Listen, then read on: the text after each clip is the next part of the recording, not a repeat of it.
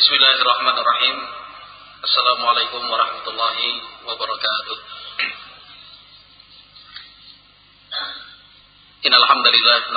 Wa nasta'inuhu wa nastaghfiruh wa na'udzu billahi min shururi anfusina wa min sayyiati a'malina. Man yahdihillahu fala mudilla lahu wa man yudlil fala hadiya lahu. Ashhadu an la ilaha illallah wahdahu la syarika lahu wa ashhadu anna Muhammadan 'abduhu ورسوله لا نبي بعده. قال ربنا جل وعلا في القرآن الكريم يا أيها الذين آمنوا اتقوا الله حق تقاته ولا تموتن إلا وأنتم مسلمون. فإن أصدق الحديث كتاب الله وخير الهدى هدى نبينا محمد صلى الله عليه وسلم وشر الأمور محدثاتها فإن كل محدثة بدعة وكل بدعة ضلالة وكل ضلالة في النار.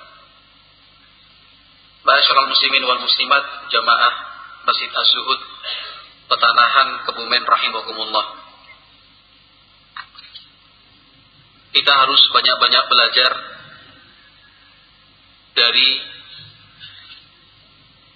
pendidikan yang diterapkan oleh Nabi Muhammad sallallahu alaihi wasallam. Beliau mendidik umatnya untuk tidak menilai hanya berdasarkan fisik.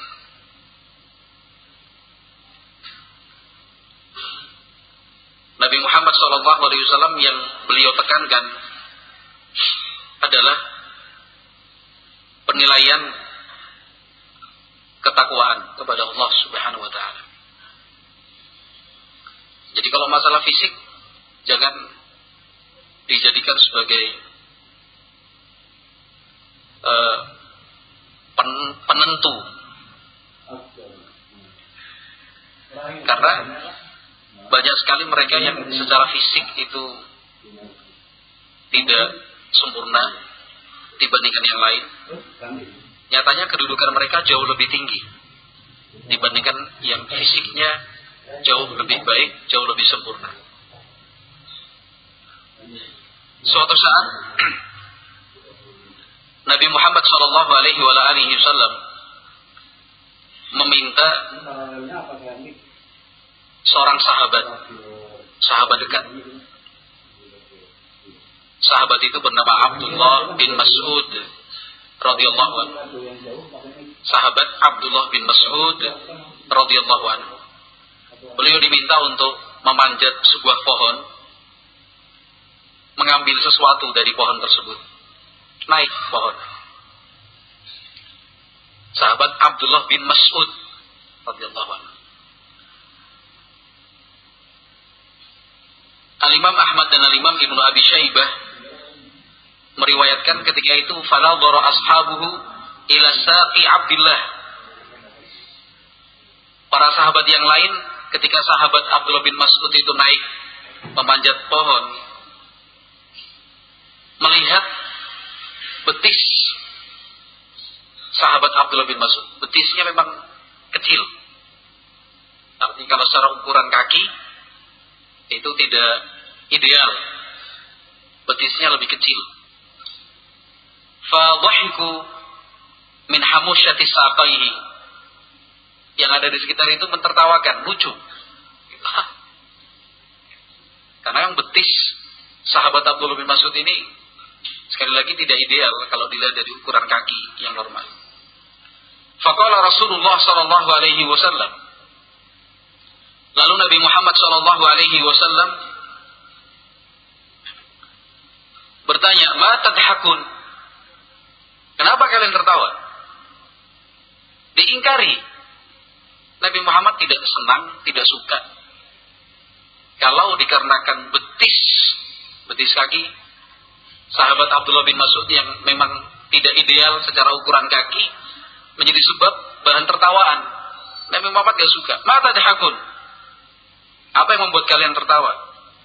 La rijlu abdillahi afqalu fil mizan yaumal qiyamati min Uhud. Kata Nabi Shallallahu Alaihi Wasallam, kakinya Abdullah bin Mas'ud itu di hari kiamat di dalam timbangan lebih berat daripada gunung Uhud.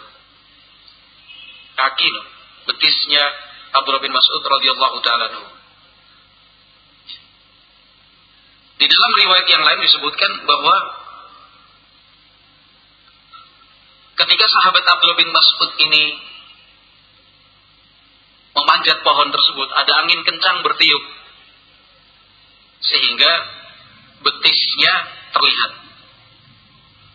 Sehingga betisnya terlihat. Dan kelihatan memang ya lucu lah. Karena bentuknya tidak sempurna seperti yang lain. Maka para sahabat tertawa. Ketika Nabi alaihi salatu wasallam bertanya, "Kenapa kalian tertawa?" Sahabat waktu itu memberikan jawaban dalam riwayat yang lain versi lengkap. Kata mereka, "Ya Nabi Allah min diqqatis kami tertawa wahai Rasulullah karena melihat betisnya Abdullah bin Mas'ud itu yang tidak ideal, kecil. Kata Nabi Shallallahu Alaihi Wasallam, "Walladhi nafsi biyadih, lahuma afqalu fil mizani min Uhud." Demi Allah zat yang jiwaku ada di tangannya, kedua betis itu ditimbangan pada hari kiamat lebih berat daripada gunung Uhud. Tahu gunung Uhud? Gunung Uhud itu gunung yang besar sekali, memanjang, gunung batu, keras, kurang lebih 5 km jaraknya dari Masjid Nabawi. Kalau lurus, jalan kaki lurus, kurang lebih 5 km. Memanjang gunung itu. Dan sering kali dijadikan oleh Nabi Muhammad SAW sebagai lambang sesuatu yang besar, sesuatu yang berat. Lihat di sini, uh, ma'asyiral muslimin wal muslimat yang berbahagia, Nabi Muhammad alaihi salatu wasallam mendidik kita untuk tidak menilai hanya secara fisik saja. Hanya secara fisik saja. Belum tentu yang sempurna fisiknya memang betul-betul lebih baik dibandingkan yang tidak sempurna fisiknya. Bisa jadi mereka yang secara fisik itu lemah dan tidak sempurna, lebih Allah cintai. Kenapa? Karena memang semangat untuk beribadah senang untuk mendekatkan diri kepada Allah Subhanahu wa taala. Di kalangan para sahabat saja yang memiliki fisik tidak sempurna itu cukup banyak yang buta, yang pincang. Itu banyak. Tetapi hal itu tidak menghalangi untuk beribadah dan beramal saleh. Abdullah bin Umi Maktum radhiyallahu anhu adalah orang buta. Sahabat Nabi buta. Tapi betul-betul dipercaya oleh Nabi Shallallahu Alaihi Wasallam. Menjadi seorang muadzin, orang buta jadi muadzin. Menjadi imam salat. Pernah Nabi Shallallahu Alaihi Wasallam memerintahkan sahabat Abdullah bin Umi Maktum untuk tetap tinggal di kota Madinah menjadi pemimpin tertinggi. Karena waktu itu Nabi Muhammad dan kaum muslimin memiliki keperluan keluar meninggalkan kota Madinah. Yang memimpin Abdullah bin Umi Maktum, orang buta. Tahu meninggalnya di mana? Di medan peperangan. Di medan tempur. Abdullah bin Umi Maktum radhiyallahu taala gugur. Orang buta mau kalah. Tidak mau ketinggalan. Orang buta kalau perang ya justru akan menambahkan beban. Tapi itu tidak menjadi alasan. Bahkan posisi Abdullah bin Umi Maktum menjadi posisi yang strategis sekali. Mendapatkan kehormatan untuk memegang panji pasukan. Bendera. Itu kan strategis sekali. Harus dipertahankan berkibar dong. Oh, namanya bendera itu tanda, tanda keberadaan pimpinan, tanda keberadaan apa kesatuan. Karena masing-masing kesatuan punya ciri, panji, umbul-umbul sendiri. Itu untuk strategi perang. Di pasukan berkuda punya sendiri, pasukan pejalan kaki punya sendiri, pimpinan tertinggi punya sendiri sehingga tahu oh sana tanda-tandanya jelas. Nah, di zaman dulu sudah seperti itu perangnya, teratur. Nah, sahabat Abdullah bin Umi Maktum radhiyallahu anhu mendapatkan kehormatan memegang salah satu bendera. Orang buta. Tapi memang kemudian dalam pengawalan. Namun yang ingin kita tekankan di sini bahwa sahabat Abdullah bin Umi Maktum radhiyallahu anhu tidak mau ketinggalan. Tidak rela. Ya. Tidak kemudian apa pasrah dengan posisi dan kondisinya sebagai orang buta. Enggak. Tetap berangkat perang. Radhiyallahu taala. Demikian juga sahabat yang mulia. Amr ibnul Jamuh radhiyallahu taala. Amr ibnul Jamuh itu pincang-pincangnya bukan pincang biasa, pincangnya parah sekali. Sangat tidak normal cara berjalannya. Ketika perang Badar ingin ikut dilarang anak-anaknya, jangan Pak, tetap tinggal aja di rumah. Bapak kan pincang, ada uzur. Orang perang. Kalau pincang gimana? Yang fisiknya normal bisa berlari dengan gesit, bisa merayap, bisa melompat, bisa menerjang saja. Apa? Belum tentu menang.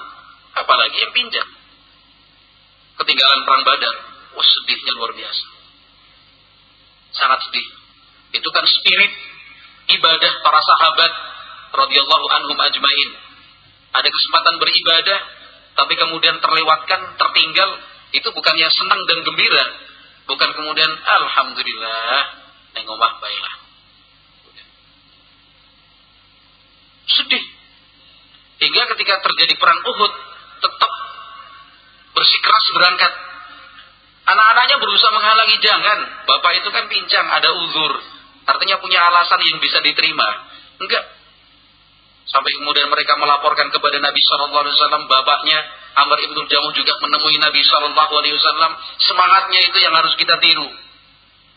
Kata Amr ibn Jamuh radhiyallahu taala wallahi demi Allah, saya ingin sekali menginjakkan menginjak surga bi'irjati hadi dengan kakiku yang pincang ini. Masya Allah. Ingin menginjak menginjak surga artinya masuk surga, ya, menginjakkan kakinya yang pincang itu di surga. Radhiyallahu taala. Gugur memang betul hari itu gugur dalam perang Uhud. Radhiyallahu anhu. Ini harus kita tiru. Jadi jangan sampai kita melihat yang cacat kemudian kita sepelekan, kita remehkan jangan. Bisa jadi dia lebih mulia di sisi Allah Subhanahu wa taala. Boleh jadi kalau dia membaca Al-Qur'an lebih bisa meresapi artinya boleh jadi semangatnya untuk beramal soleh lebih tinggi dari kita. Jangan. Jangan remehkan mereka. Nabi Wasallam mengingkari. Kata Nabi, mata dahakun. Apa yang membuat kalian tertawa? Bukan semata-mata tanya loh. Nabi Muhammad bertanya itu untuk mengingkari. Kok kalian mentertawakan? Jangan. Itu kalau mau ditimbang hari kiamat nanti, lebih berat dari gunung Uhud. Sahabat Abdullah bin Mas'ud radhiyallahu taala itu asli Mekah dari suku Hudzail sehingga nisbatnya adalah Al-Hudzali Abdullah bin Mas'ud bin Ghafil bin Habib bin Syabah bin Far bin Makhzum bin Sahilah bin Kahil ibn al-Harith bin Taim bin Sa'ad bin Hudzail bin Mudrikah bin Ilyas bin Mudar bin Nizar Al-Hudhali asli Mekah Al-Makki Al-Muhajiri termasuk yang hijrah meninggalkan Mekah menuju Madinah. Al-Badri ikut perang Badar. Ternyata walaupun secara fisik itu tidak seperti yang lain bukan menjadi penghalang tidak dijadikan alasan untuk duduk berpangku tangan. Tetap semangat untuk beribadah. Radiyallahu anhu. Ya bedalah dengan sebagian kita yang justru mencari-cari alasan. Iya kan? Sehat, bugar, aduh sakit nih. Sakit beneran. Iya. Gak pilek sebenarnya, gak pilek tapi cari alasan lah. Ya, cari alasan. Ada aja kalau alasan tuh dicari-cari pasti dapat lah namanya seribu, seribu satu alasan ya kan Kalau nggak bisa dapat yang ke seribu, yang dapat 999 itu alasannya. Ada aja alasannya. Aduh, belokin. Alasan dicari-cari. Padahal, ini loh, kesempatan beribadah itu terbuka. Ya kan? Kesempatan beribadah itu terbuka. Ada kesempatan ngecor pondok putri misalkan, ya kan? Ngecor. Ya namanya ngecor ya harus bersentuhan langsung dengan cairan adonan semen dan yang lainnya. Ya kan? Alasan dibuat, aduh tangannya luka. Ya nggak usah megang adonan kan, ya kan? Kan bisa untuk yang lain. Kumpulkan ember, ya kan? Jadi tim logistik. Ya, kan? ya masih banyak pilihan lah. Jangan jadikan alasan, ah enggak lah, tangannya lecet ini tadi malam kena silet. Ada aja alasannya. Ya, kan? Ada lagi yang alasan capek. Tadi malam ronda. Emang yang ronda kamu doang? Yang ronda tuh banyak, bahkan ada yang lebih lama. Tapi kenapa kita cari-cari alasan? Dia sahabat. Radiyallahu anhu majma'in. Tidak mau ditinggal, nggak mau tinggal diam. Radiyallahu anhu. Maka ini merupakan pelajaran penting buat kita yang Allah berikan apa uh, kelengkapan fisik. Sehat bugar. Ya jangan merasa nggak bisa. Jangan cari-cari alasan meninggalkan ibadah. Jangan. Semangatnya luar biasa. Itu Abdullah bin Mas'ud radhiyallahu taala orangnya kurus dagingnya sedikit ya pokoknya kurus lah khafiful lahmi itu dagingnya sedikit. Rajulun nahifun kasirun. Kurus, pendek. Pendek itu maksudnya dibandingin yang lain, jangan dibandingin kita dong. Orang Arab kalau pendek ya tetap tinggi aja, ya kan? Tapi kalau dibandingkan yang yang lain relatif lebih pen, pendek. Radhiyallahu ta'ala Namun cerdasnya luar biasa.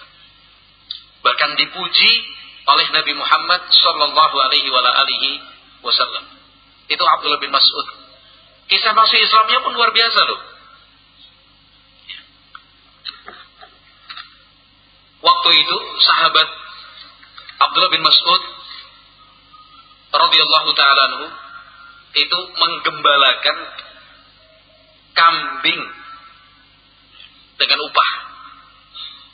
Milik salah seorang penduduk kota Mekah. Mengembalikan kambing. Milik Uqbah bin Abi Mu'ayyid. Jadi yang bercerita untuk kita adalah sahabat Ibnu Mas'ud Abdullah bin Mas'ud sendiri. Kata beliau kuntu ar'a mat Abu Ya'lan at-Tabrani. Yang jadi referensi utama kita adalah kitab Syiar A'lamin Nubala karya Imam Az-Zahabi rahimahullah seorang ahli sejarah ya, ahli hadis dari kalangan madhab syafi'iyah Kata Abdullah bin Mas'ud, kuntu ar'a ghanaman li Uqbah bin Abi Mu'ayyid. Saya dulu, ya seperti kebiasaan remaja Mekah lah. Jadi, kebiasaan remaja Mekah itu mereka sejak remaja memang punya etos kerja yang tinggi. Ikut dagang, termasuk juga ikut menggembalakan kambing. Nabi Muhammad juga pernah menggembalakan kambing. Dengan upah tentunya. Kambing itu milik siapa? Uqbah bin Abi Mu'ayyid. Famarra bi Rasulullah sallallahu alaihi wasallam wa Abu Bakrin. Ketika sedang mengembalakan kambing itu, Nabi Muhammad dan Abu Bakar waktu itu lewat. Faqala ya gulam hal min laban? Kata Nabi sallallahu alaihi wasallam, "Eh, anak muda, ada susu enggak yang bisa dijual, diminum gitu?" Qultu na'am. Saya jawab, "Ada memang, walakin ni mu'taman, tapi saya ini cuma pekerja. Saya nggak bisa memutuskan. Saya nggak bisa menjual. Saya nggak bisa memberi untuk orang lain karena saya muktaman. Muktaman itu pekerja yang dapat tanggung jawab. Qala fahal min syatin lam yanzu 'alaiha al-fahlu? Ya udah kalau gitu. Ada nggak kambing yang kamu gembalakan ini betina, kambing betina tapi belum uh, pernah digauli oleh kambing jantan. Artinya kambing betina yang belum pernah punya anak lah, yang belum pernah hamil. Fa'ataituhu bisyatin. Kata Abdullah bin Mas'ud, akhirnya saya carikan kambing seperti itu. Famasaha dor'aha. Nabi Muhammad SAW lalu mengusap susu, artinya posisi susu dari kambing betina itu padahal bukan sedang menyusui, bukan kambing betina yang, yang baru melahirkan terus punya anak-anak, bukan. Kambing betina apa masih gadis ya? Kambing betina apa? Kalau kambing betina belum digauli yang jantan apa namanya? Ada apa? Jadi, ini bahasanya mau nanti. Ya pokoknya kambing betina yang masih derek, nah, masih derek. Eh? Ya begitulah. Oke. Itu diusap oleh Nabi Shallallahu Alaihi Wasallam. Fanazala. Keluar air susunya. Mujizat. Itu diperhatikan sama Abdul bin Mas'ud ini yang masih remaja ini dia. Fahala bafi inain. Lalu Nabi Muhammad SAW memerahnya.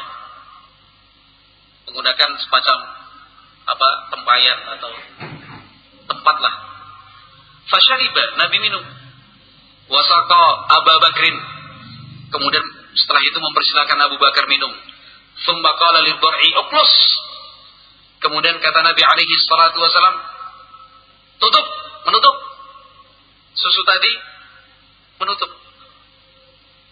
Zada Ahmadu qala thumma ataituhu ba'da hadha.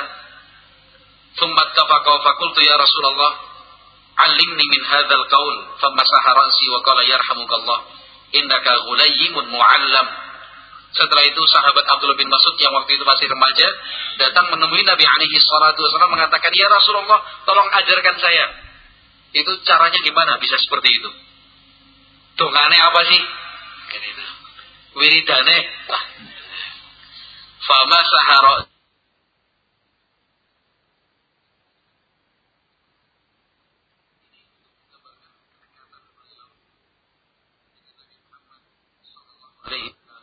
wasallam. Karena beliau itu yaitu sahabat Abdul bin bukanlah seseorang yang terpandang.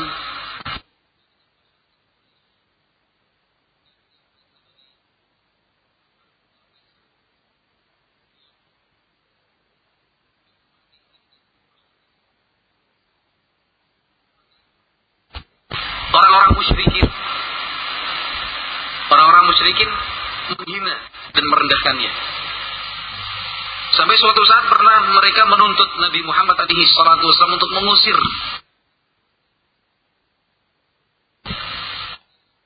Sebuah hadis yang diriwayatkan oleh Imam Muslim rahimahullahu taala. Sa'ad bin Abi Waqqas cerita kunda ma'a Rasulillah sallallahu alaihi wasallam wa nahnu sittah.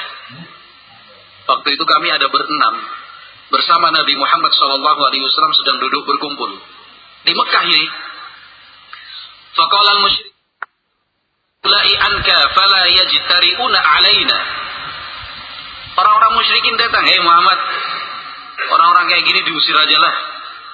Gak sopan mereka nanti sama kami." Karena enam orang sahabat bukan dari kalangan bangsawan yang kemudian punya pengaruh ditokohkan bukan. Wa kuntu ana wa ibnu Mas'ud wa rajulun min Hudzail wa rajulani nasitu ismahuma. Waktu itu ada saya, kata Sa'ad bin Abi Waqqas, ada Ibnu Mas'ud, ada orang lain dari Hudzail, dua orang saya lupa siapa namanya. Dan yang lain. Tapi yang disebut secara Abdullah bin Mas'ud radhiyallahu anhu.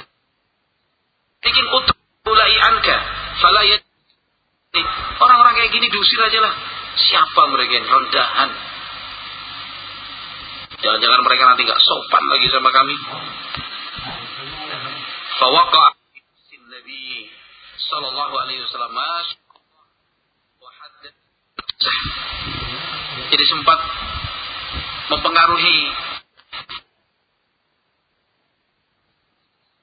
wala alihi wasallam.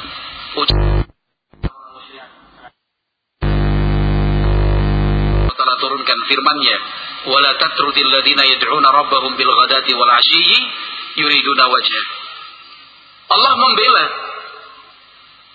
Allah menyatakan wala tatrudil ladzina yad'una rabbahum bil ghadati wal 'ashiyyi yuriduna wajhah. Kamu jangan usir mereka. Orang-orang yang pagi petang itu beribadah kepada Allah Subhanahu wa taala. Yuriduna wajhah. Tidak ada tujuan kecuali mengharapkan wajah Allah Subhanahu wa taala. Dipuji Allah dalam ayat ini. Akhirnya Nabi Muhammad SAW pun semakin teguh, kuat, dan semakin mencintai. Terutama dari kalangan budak-budak, mantan budak, orang miskin. Karena pengikut Nabi bukan hanya Nabi Shallallahu Alaihi Wasallam, semua Nabi, semua Nabi tanpa terkecuali pengikutnya itu justru berasal dari kalangan menengah ke bawah yang sedikit, persentasenya kecil. Rata-rata ya orang miskin, orang-orang lemah. Nah, itu sudah sunnatullah subhanahu wa ta'ala.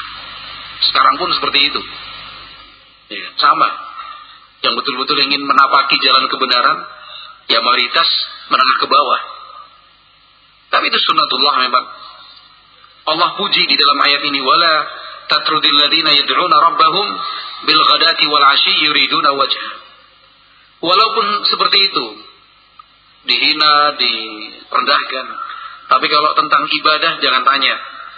Tinggi sekali semangat beribadahnya. Nah, bahkan Zubair bin Awam radhiyallahu anhu pernah mengatakan awwalu man jahara bil Qur'ani di Makkah ba'da Rasulillah sallallahu alaihi wasallam Abdullah bin Mas'ud radhiyallahu anhu.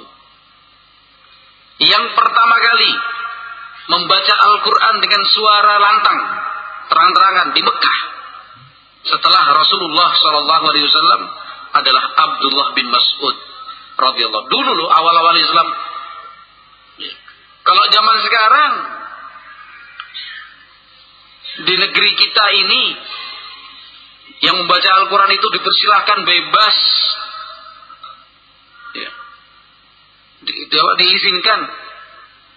Diizinkan untuk membaca Al-Quran. Kan gak ada larangan membaca Al-Quran di negeri ini. Alhamdulillah disyukuri. Bahkan diapresiasi. Di beberapa daerah mereka yang apa bisa membaca Al-Quran dapat beasiswa dapat penghargaan. Ya. Bahkan beberapa daerah sudah menerapkan lulus SD harus bisa baca Al-Quran. Disupport itu. Ya. Dalam kondisi yang seperti ini itulah yang disayangkan. Ada kesempatan dibuka untuk bebas membaca Al-Quran, malah Al-Quran tidak kita baca. Jarang dibuka. Nah dulu, di awal-awal Islam, orang-orang musyrikin, kaum Quraisy melarang yang melanggar bisa diintimidasi, diganggu, dicela, dicaci maki. Berani sahabat Abdul bin Mas'ud untuk membaca Al-Quran dengan terang-terangan. Jahar bisa didengar oleh orang. Karena yang paling ditakutkan oleh orang-orang musyrikin, yang paling dikhawatirkan kaum Quraisy adalah Al-Quran itu dibacakan terang-terangan. Karena mereka sadar dan paham kalau Al-Quran itu dibacakan terang-terangan, yang mendengar itu pasti tertarik. Pasti tertarik. Sedikit banyak lah. Karena ayat-ayat Al-Quran itu bukan ucapan manusia. Bukan buatan orang. Tapi datang dari sisi Allah subhanahu wa ta'ala. Masyarakat Quraisy waktu itu sangat mengerti perbedaan antara ini ucapan manusia dengan ini firman Allah Subhanahu wa taala. Ngerti betul. Maka salah satu poin yang dituntut dari orang-orang musyrikin ketika sahabat Abu Bakar As-Siddiq radhiyallahu taala anhu ya kan, mendapatkan jaminan perlindungan ya, aman salah satu poin yang dituntut oleh mereka tidak boleh membaca Al-Qur'an di luar rumah Nanti didengar oleh anak-anak dan perempuan-perempuan serta anak-anak muda terpengaruh mereka. Iya. Nah kekuatan umat Islam itu di Al-Quran. Ketika Al-Quran sudah ditinggalkan ya kekuatannya akan hilang. Lemah. Seperti itu juga orang-orang musyrikin, orang-orang kafir untuk mengalahkan umat Islam. Ya. Cukup bagaimana caranya umat Islam itu jauh dari Al-Quran itu. Allah Azza wa Jalla berfirman wa qala alladziina kafaru la tasma'u li hadzal qur'ani wal fihi la'allakum taghlibun. Orang-orang kafir sejak dulu sudah mengatakan la tasma'u li hadzal qur'an, jangan sekali-kali mendengarkan Al-Qur'an. Wal fihi abaikan Al-Qur'an itu la'allakum taghlibun. Hanya dengan cara seperti itu kalian bisa menang mengalahkan umat Islam. Kembali kepada Al-Qur'an. Yang dimaksud kembali kepada Al-Quran itu ya dibaca, Belajar cara baca yang benar. Dimengerti arti dan maknanya. Ditelusuri dan digali tafsirnya. Diamalkan, dipraktekkan dalam kehidupan sehari-hari. Didakwahkan. Disebarluaskan. Kalau sudah seperti itu yang kita lakukan, pasti menang. Tapi kalau Al-Quran sudah ditinggalkan, hanya senang beli untuk koleksi, dibiarkan berdebu, dirak-rak besi, ya sudah. Celakalah hidup ini. Nauzubillah, jangan sampai seperti itu. Maka kita harus mendukung, mensupport lembaga-lembaga pendidikan agama yang menitik beratkan targetnya itu untuk menghafal Al-Quran, didukung, disupport, bukan malah di apa dikritik. Anak-anak Kerjaannya cuma membaca Al-Quran terus uripe piye. Mau makan apa mereka? Ya makannya sama nasi. Ya. Lauk dan sayur ya. Didukung, disupport. Kalau punya anak, kalau punya anak, berkeinginan sendiri. Pak, Bu, saya pengen belajar Al-Quran. Eh, di sekolahmu piye? Kok sekolah piye? Ini pengen belajar Al-Quran, pengen menghafal Al-Quran. Masya Allah. Harusnya orang tua bangga. Masya Allah. Kan mantap, nih. Di mana? Di pantainya Pak Ahmad. Bagus. Ustaz Ahmad maksudnya. Tempatnya Ustaz Ahmad. Saya, monggo silakan. Mau di sana? Ya, bagus. Didukung. Bukan, loh, masa depanmu gimana nanti kamu kalau kalau cuma belajar Al-Quran? Suram nanti. Emang yang menentuin masa depan siapa? Iya. Tapi ya dipesenin serius, sungguh-sungguh. Jangan, ini beneran nggak? Bener. Serius, cius. Harus dipesin ini tuh harus serius. Jangan setengah hati dong, jangan separuh-separuh. Kalau cuma setengah hati, separuh-paruh nanti hanya akan mengecewakan. Ya, jangan. Tapi didukung, disupport beneran. Alhamdulillah. Kalau kita punya saudara, sepupu, keponakan yang masih muda, masih remaja, kok punya ketertarikan untuk belajar Al-Quran, didukung, disupport. Jangan kamu ini kayak orang kuno aja, gak zamannya sekarang. Iya, jangan didukung, disupport. Alhamdulillah, masih ada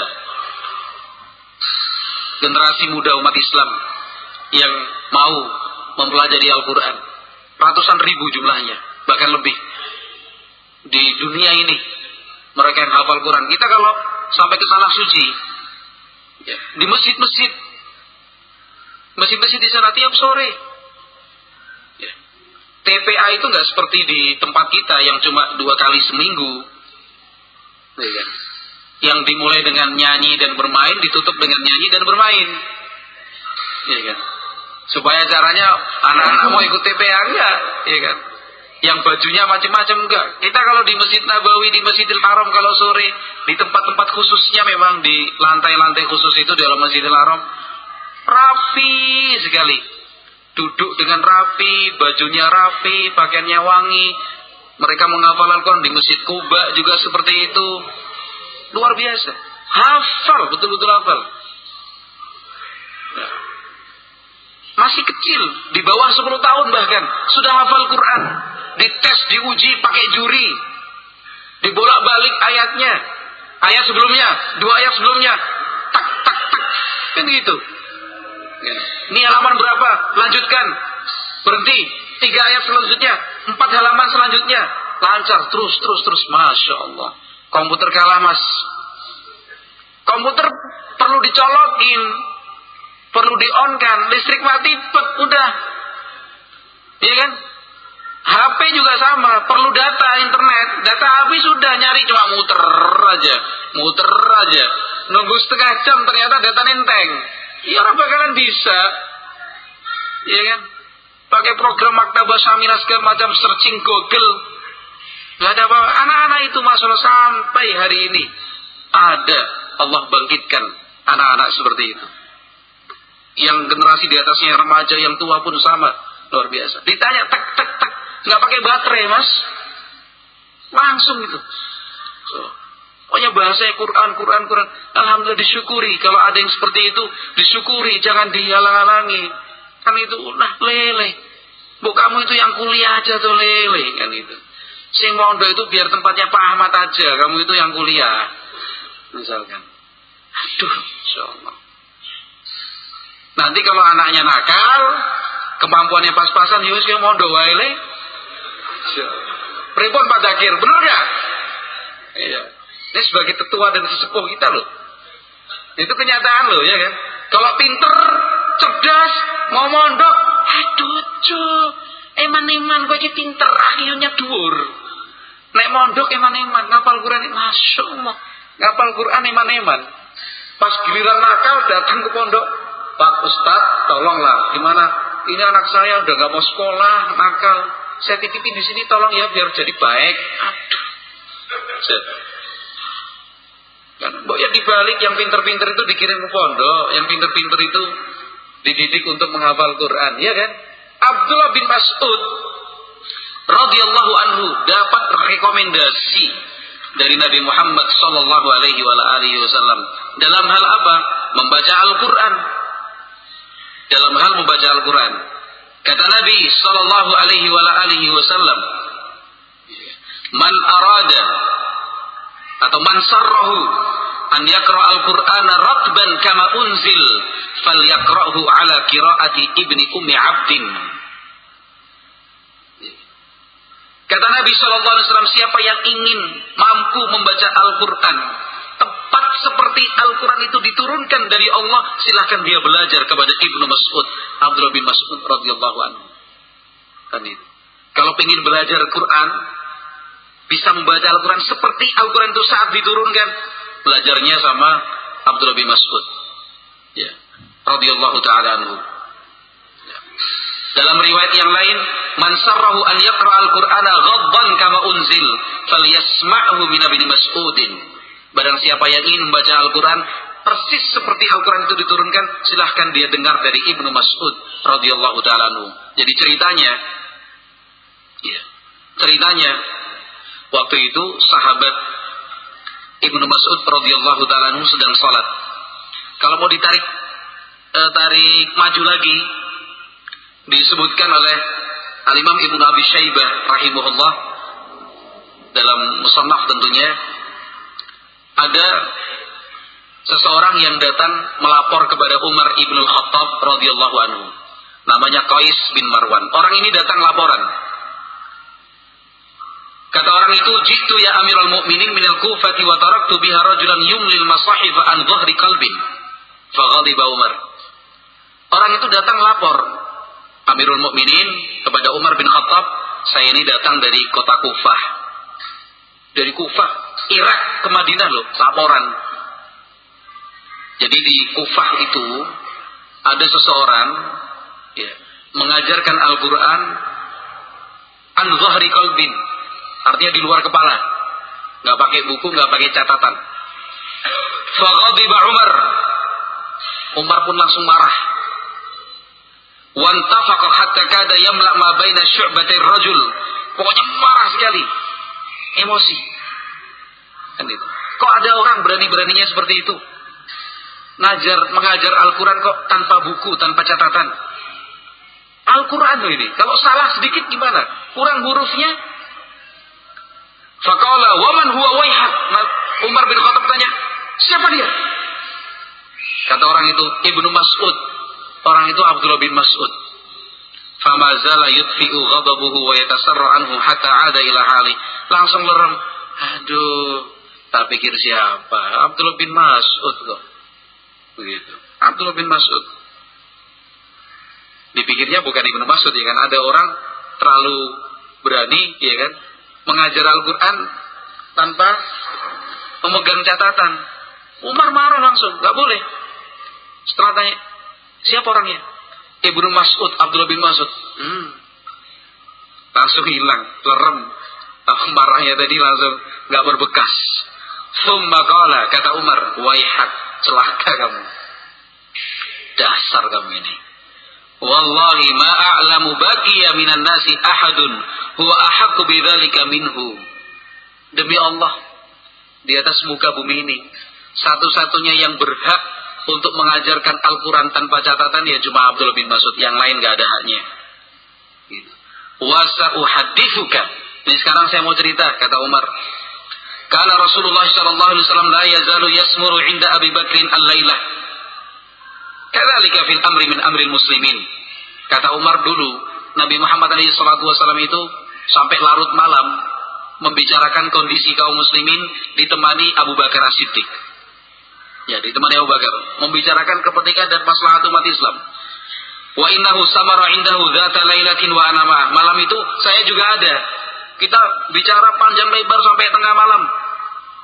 Fa kharaja Rasulullah sallallahu alaihi wasallam wa ma'ah Nabi kemudian keluar kami juga ikut dari belakang fa idza rajulun qa'imun yusalli fil masjid ternyata malam itu ada orang sedang salat malam di Masjid Nabawi Faqama Rasulullah sallallahu alaihi wasallam yasma'u qira'atah. Nabi Muhammad kemudian berhenti mendengarkan bacaannya. Falamma kidna an narifah. Ketika kami sudah oh yang baca dia. Kata Nabi sallallahu alaihi wasallam, "Man sarrahu an yaqra' al-Qur'ana ratban kama unzil, falyaqra'hu ala qira'ati Ibni Ummi Abdin." Barang siapa yang ingin membaca Al-Quran seperti Al-Quran itu diturunkan, silakan dia belajar dari Ibnu Mas'ud. Qala thumma jalasa yad'u. Kemudian orang itu yaitu sahabat Abdul bin Mas'ud duduk berdoa. Faja'ala Rasulullah sallallahu alaihi wasallam Nabi Muhammad alaihi salatu wasallam kemudian dari jauh tanpa pengetahuan Ibnu Mas'ud mengatakan sal tu'ta minta apa yang kamu inginkan kamu pasti diberi Fakultu wallahi kata Umar demi Allah la aghduwanna ilaihi fali ubashirahu demi Allah besok pagi-pagi saya cari Ibnu Mas'ud akan saya sampaikan kabar gembira ini. Ya kan? Artinya apa? Nabi Muhammad mengatakan saltu toh dari jauh, misalkan sahabat Ibnu Mas'ud sholatnya di sana, didengarkan oh malam loh ya gelap, oh Ibnu Mas'ud. Kata Nabi dari posisi yang jauh, saltu toh, kamu minta apa yang kamu minta pasti dikasih Allah. Ini yang mendengar ini kan sahabat Abu Bakar dan Umar. Kata Umar, besok pagi-pagi saya cari Ibnu Mas'ud, saya mau sampaikan ucapan Nabi. Kalau fagodautu pagi-pagi dicari mana Abdullah bin Mas'ud ini. Pas ketemu, fawajatu Abu Bakrin kot. Ternyata Abu Bakar udah duluan. Nah kan itu. Makanya kata Umar apa? Dari dulu saya itu pengen menyaingi Abu Bakar, nggak pernah bi bisa, nggak pernah bisa. Sedekah sudah bawa separuh harta, nih Rasulullah. Separuh harta udah dibawa nih, keren banget kan? Kalau bahasa kita, uh separuh hartanya dikasih. Ternyata Abu Bakar datang, semua harta dibawa. Aduh. Ketemu Abu Bakar dari jauh gitu. Pokoknya saya mau duluan salam nih. Pas as, ini udah duluan Abu Bakar. Assalamualaikum ya Umar. Kedahuluan terus. Begitu. Tapi intinya bahwa sahabat Ibnu Mas'ud radhiyallahu taala adalah sahabat yang direkomendasi oleh Nabi Muhammad alaihi salatu wasallam untuk belajar Al-Qur'an kepada beliau. Maka kata Abdullah bin Mas'ud radhiyallahu taala tentang pemahaman dan pengetahuan dan apa penguasaannya terhadap Al-Qur'an. Kata Abdullah bin Mas'ud, ya. Ma nazalat ayatun min kitabillah illa wa ana a'lamu aina nazalat wa fi ma nazalat. Tidak ada satupun ayat di dalam Al-Qur'an kecuali saya tahu di mana ayat itu diturunkan dan kenapa ayat itu turun. Kata Ibnu Mas'ud, "Laqad qara'tu min fi Rasulullah sallallahu alaihi suratan." Saya ini belajar langsung musyafahah, lisan per lisan. tanpa perantara langsung dari Nabi alaihi salatu wasallam sebanyak 70 surat sebanyak 70 surat itu sahabat Abdullah bin Mas'ud radhiyallahu taala ahli Quran makanya ketika sebagian orang mentertawakan betisnya yang kecil itu Nabi marah mengingari kok kalian tertawa itu betisnya kalau ditimbang di kiamat nanti lebih berat daripada gunung Uhud ya kan maka anak-anak kita, adik-adik kita, bahkan kita sendiri lah. Jangan sampai kita udah merasa kehabisan waktu, sudah lewat zamannya. Alas tua ya. Belum, belum lewat. Selama masih hidup, bisa bernapas, kesempatan untuk seperti Ibnu Mas'ud menjadi ahli Quran terbuka. Ayo belajar Quran. Jangan sampai, aduh tua. Al-Quran itu diturunkan bukan cuma untuk anak muda. Aduh nyong bodoh. Ya biar pinter belajar Al-Quran. Karena belajar Al-Quran itu bisa memintarkan dan mencerdaskan. Iya kan? Pada waktu neorana, Al-Quran itu diturunkan bukan untuk pengangguran. Kok alasannya nggak punya waktu gitu. Kan itu. Ngopi di warung nangkring bisa kok. Iya kan? Masa baca belajar Al-Quran nggak bisa? Iya kan? Harus. Supaya kita bisa mencontoh dan meladani para sahabat radhiyallahu taala majma'in itu beberapa cerita tentang sahabat Abdullah bin Mas'ud radhiyallahu taala mudah-mudahan bisa apa menambah motivasi dan menguatkan spirit ibadah kita ya supaya apa namanya semakin berkualitaslah iman dan takwa kepada Allah Subhanahu wa taala. Wallahu a'lam bishawab.